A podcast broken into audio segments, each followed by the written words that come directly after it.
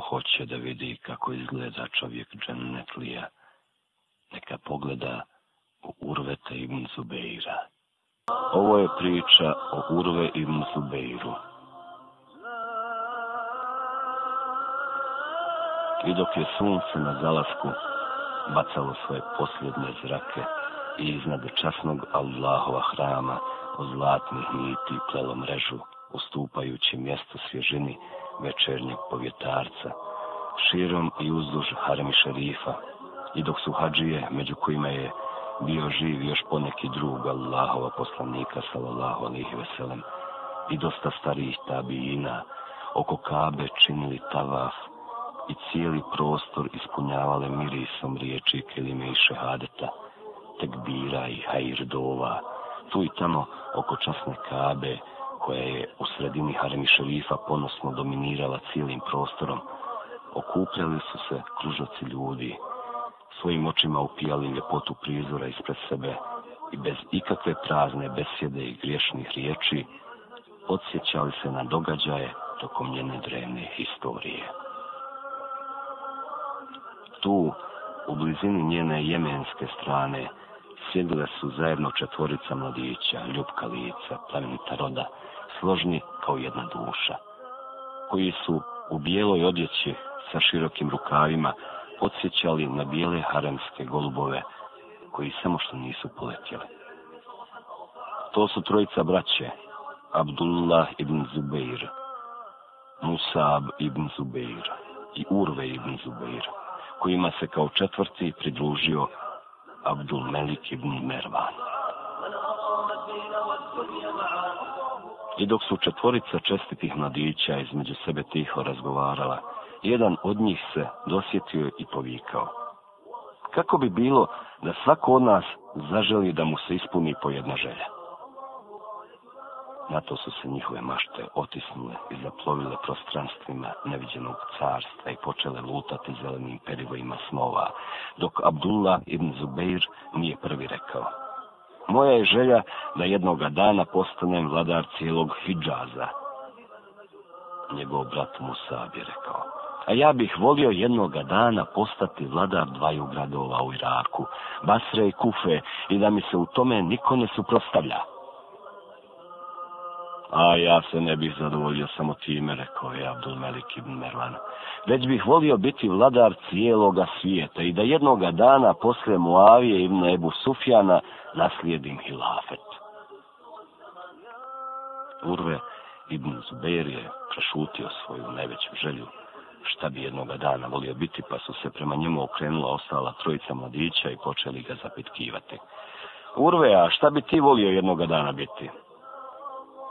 neka vas Allah blagoslovi, odgovorio je, i ispuni vaše ovo svjetske želje. Što se mene tiče, ja ne bih volio ništa od onoga što ste vi poželjeli, već bih volio jednoga dana postati veliki učenjak koji će svoje znanje na dijelu primjenjivati i drugima kazivati o knjizi njihova gospodara, sunnetu njihova poslanika i propisima njihove vjere i da tako na onome svijetu steknem Allahovo zadovoljstvo i i zaslužim džennet. Tako su vremena prolazila, dok jednoga dana poslije jezid ibn Muavine smrti, Abdullah ibn Ezubeir doista nije dočekao da postane halifa i da mu zakletvu na vjernost daju muslimani širom Hidžaza, Egipta, Jemena, Horasana i Iraka. Opet su se vremena dan po dan mijenjala dok nije dočekao svoju pogibiju pored same kabe, na istom onom mjestu gdje je nekada otkrio svoju najveću želju. Želja se ispunila i njegovu bratu Musabu, koga je Abdullah, kada je došao na vlast, postavio za svoga namjesnika u Iraku, ali je ubrzo i on, braneći svoj položaj, poginuo. Želja se ispunila i Abdul Meliku i Nervanu, koji je nakon smrti svoga oca i dobijanja zakletve na vjernost od svih muslimana preuzeo hilafet. Bilo je to nakon pogibije braće Abdullaha ibn Ezubeira i Musaba ibn Ezubeira, koje su pogubili niko drugi do Abdul Melikovi vojnici, nakon čega je u svoje doba postao najmoćniji vladar na svijetu. A šta je bilo sa Urvom ibn Zubeirom? vratimo se još jednom na početak priče o njemu.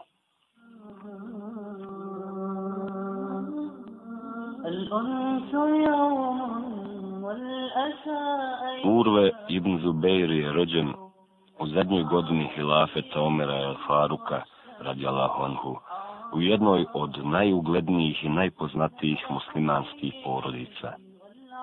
Njegov otac Ed Zubeir ibn el Avvam bio je jedan od najvrijednijih poslanikovih sallallahu alaihi veselim pomagača. Prvi koji je u islami sukao svoju sablju na neprijatelja. Jedan od desetorice kojima je Allahov poslanik sallallahu alaihi veselim još za života obećao džennet. Majka mu je Esma, Ebu Bekrova radijalahu anhupći, poznata još i pod nadimokom, zato en mi takajim. Prema tome, sa majčine strane jedinu je bio Ebu Bekr Esidik, prvi od četvorice pravednih vladara, poslije Allahova poslanika, sallallahu alaihi veselem, i njegov vjerni drug s kojim se za vrijeme hijđure iz Mekke u Medinu sklonio u pećinu. Sa očeve strane nena mu je Safija, Abdul Maltalibova kći, to jest rođena tetka Allahova poslanika, sallallahu alaihi veselem, A iša radijallahu anha, majka pravovjernih, bila mu je tetka po majici.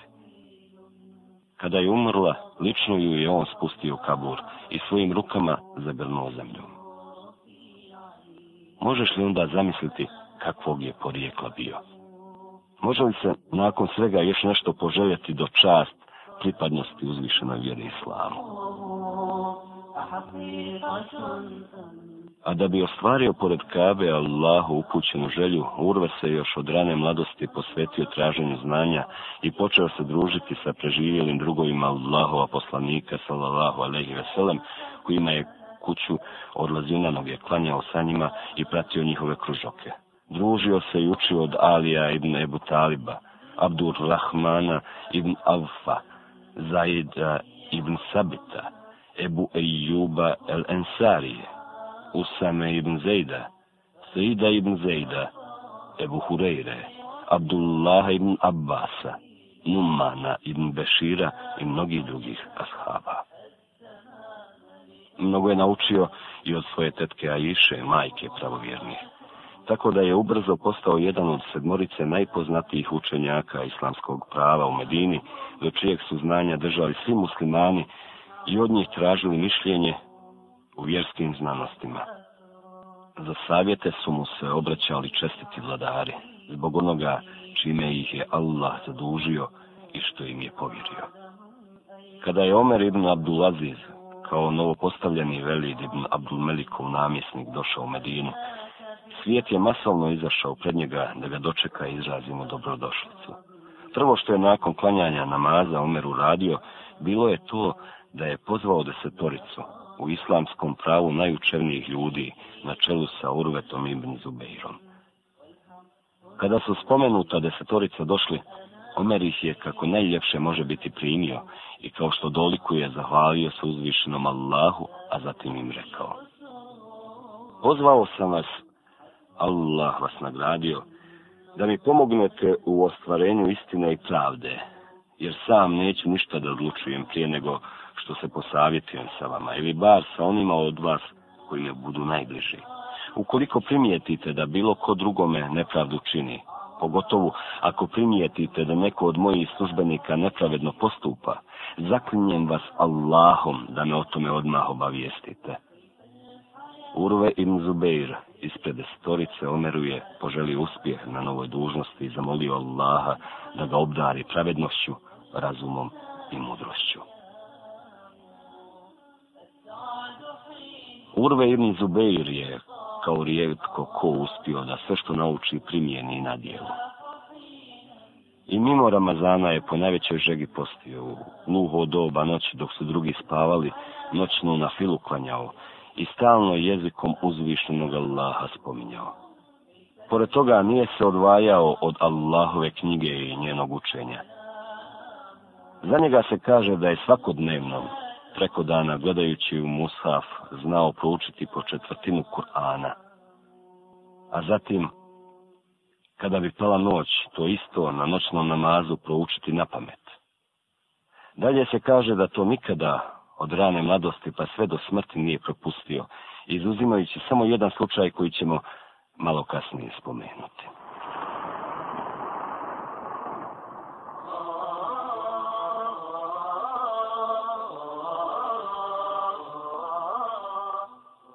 Urve ibn Zuber je u namazu nalazio smiraj za dušu, radost za oko i džennet na zemlji. Zato ga je sa uživanjem obavljao kako najljepše i najpotpunije može biti. Svaki put nastojeći da ga što više odulji. Za njega se priča da je jednom prilikom vidio nekog čovjeka kako prebrzo klanja, pa ga je, kada je predao selamu, pitao – O sine, braca moga, zar uzvišenog Allaha nemaš ništa za moliti da ti da? Tako mi Allaha ja ga u svakom namazu molim za sve što mi treba, čak i da mi da soli. Urve ibn Zubejr, neka je Allah sa njim zadovoljan, bio je pružene ruke, obazriv i veoma darežljiv. Za njega se priča da je u cijeloj Medini imao najveću i najljepšu bašću sa pitkom vodom, debelom hladovinom i visokim palmama. Da ju je preko cijele godine pazio i zagrađivao. Kako je voće ne bi oštećivale životinje i nemirna djeca, a da bi ju, kada bi plodovi sazreli i prolaznicima na njih pošao a ogradio na više mjesta kako bi svijet u nju lakše mogao ulaziti i brati sazrele plodove nikome nije branio da u nju ulazi. I u odlasku i u povratku. Ne samo da nabere i najde se plodova, nego nije branio ni da se nabere i koliko god može ponese kući. I još nešto, kada god bi ušao u svoju bašću, svaki put bi izgovorio riječi uzvišenog. A da si, kad si u vrt svoj ušao, rekao, maša ima, moć je samo u Allah.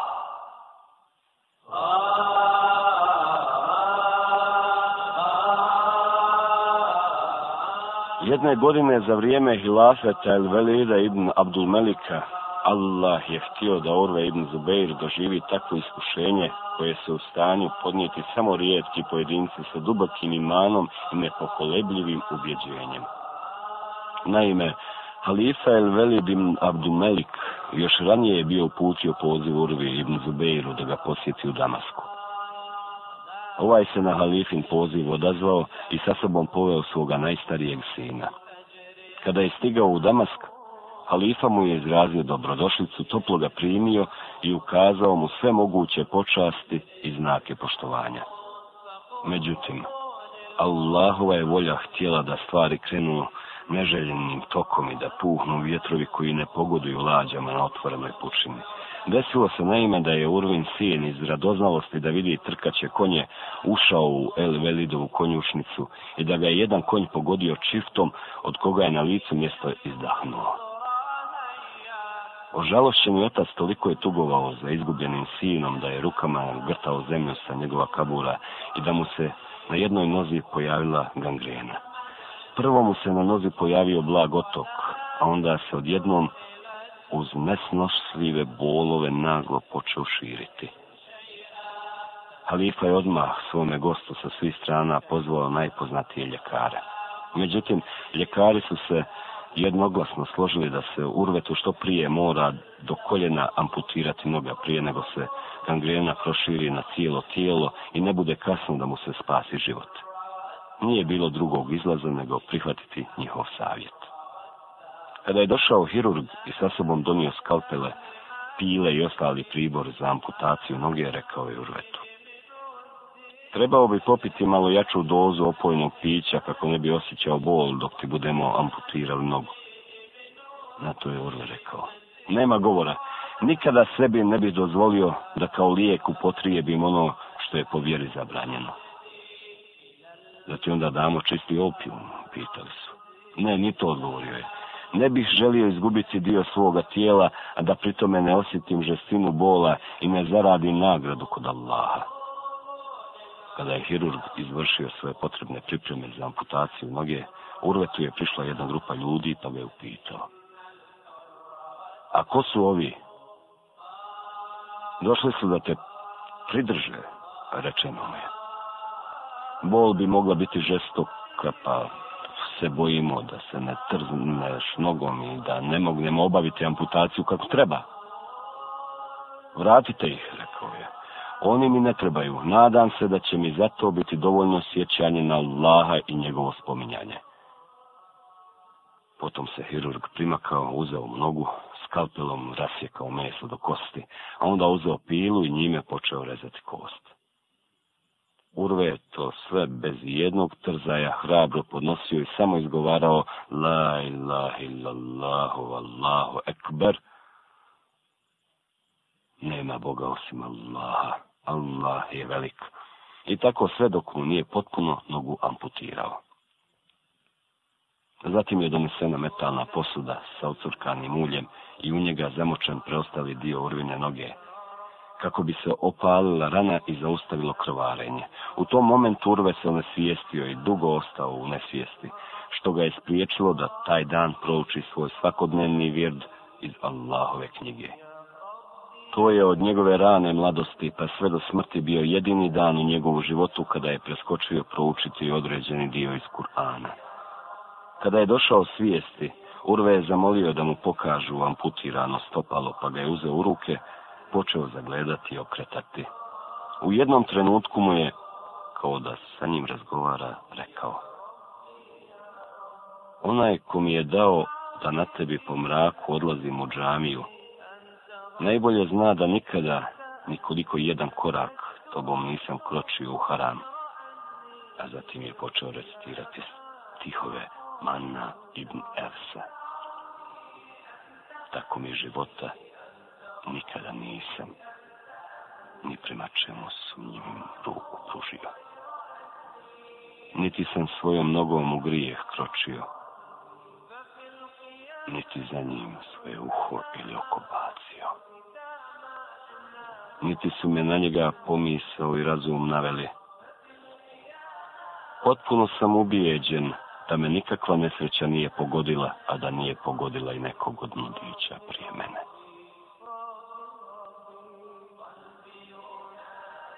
Halifi El Velidu ibn Abdul Meliku teško je pala nesreća koja je pogodila njegovog velikog prijatelja i dragog mu gosta Oru ibn Zubeira, koji je za samo nekoliko dana prvo izgubio najstarijega sina, a onda ubrzo iza toga i dio svoga tijela. Halifa je gledao da ga na svaki mogući način utješi i razgovori, tako da je jednom prilikom pribjegao i lukavstvu. Naime, potrefilo se da je tih dana na Halifinu dvoru odsila jedna grupa ljudi iz plemena Beni Abs, među kojima je bio i jedan slijepac. Kada je Halifa El Velid slijepca upitao kako izgubio vid, ovaj je rekao.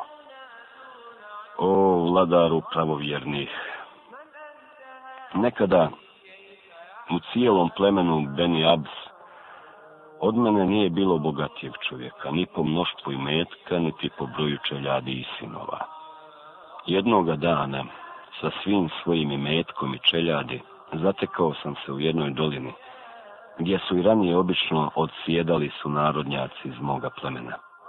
Pa se nad dolinom srušilo veliko nevrijeme i u nju provalila bujica kako do tada nikada nismo vidjeli. Toliko snažna da je odnijela i moj metak i čeljad i sinove. Od svega sam uspio spasiti samo sebe, jednu kamilu i jedno dijete, novorođenče. I ta nesretna kamila bila je neposlušna, pa mi se otrgnula i dala se u bijeg. Te sam dijete stavio na zemlju i potrčao za kamilom da je uhvatim. Tek što sam se bio malo udaljio, začuo sam plač djeteta, pa sam se okrenuo i ugledao kako ga svojim ustima kida gladni vuk potrčao sam nazad da ga spasim, ali je bilo već kasno. Kasnije sam pronašao Kamilu, pa me je, kada sam je pokušao uhvatiti, čiftom udarilo u čelo, toliko snažno da ga je razbila i da sam na oba oka oslijepio. Tako sam vladar upravo jer njih preko noći ostao i bez porodice, i bez djece, i bez imetka, i bez bida. Na to je Elvelid svome vrataru rekao. Odvede ovog čovjeka našem gostu Urvi ibn Zubeiru, pa neka i njemu ispriča svoj slučaj i neka vidi da ima i drugih koje je pogodila još teža nesreća nego što je njegova. يا دليلا لحيرتي kada su Urvo ibn Zubeira donijeli u Medinu i unijeli među kućana, prvo što im je rekao bilo je, nemojte da se uplašite od onoga što ćete vidjeti. Uzvišen je Allah mi je poklonio četiri sina, pa mi je uzeo jednoga, a ostavi mi još trojicu. Hvala mu na tome. Dao mi je četiri uda, dvije ruke, dvije noge, pa mi je uzeo jedan, a ostavio mi još tri. Hvala mu i na tome. Tako mi Allaha, uzeo mi je malo, a ostavio još dosta. Ne smijem se požaliti što me je jedan put stavio na iskušenje naspram tolikih godina i rahatluka i zdravlja. Čuvši da se njihov imam i toliko uvaženi Alin Murovi Zubeir vratio svoju kuću u Medinu, redom sve medinelije su požurile da ga kod kuće posjete i izraze mu svoje saosjećanje i utjehu zbog nedaće koja ga je pogodila. Od svega najviše su ga se dojmile riječi utjehe koje mu je uputio Ibrahim ibn Muhammed Ebtalha. Blago tebi, o Ebu Abdullah, jedan od tvojih organa i jedan od tvojih sinova već su te pretekli u džennet. Ako Bog da, cijelina će se u džennetu spojiti sa svojim dijelom. Hvala Allahu koji je kod tebe sačuvao ono što je najvrednije i što nam je najpotrebnije, tvoje znanje. Razboritost u vjeri i mudrost zaključivanja. Molimo Allaha da i tebi i nama još dugo koriste. Allah je najbolji garant nagrade za tvoja dobra djela i tvoga lijepoga svršetka.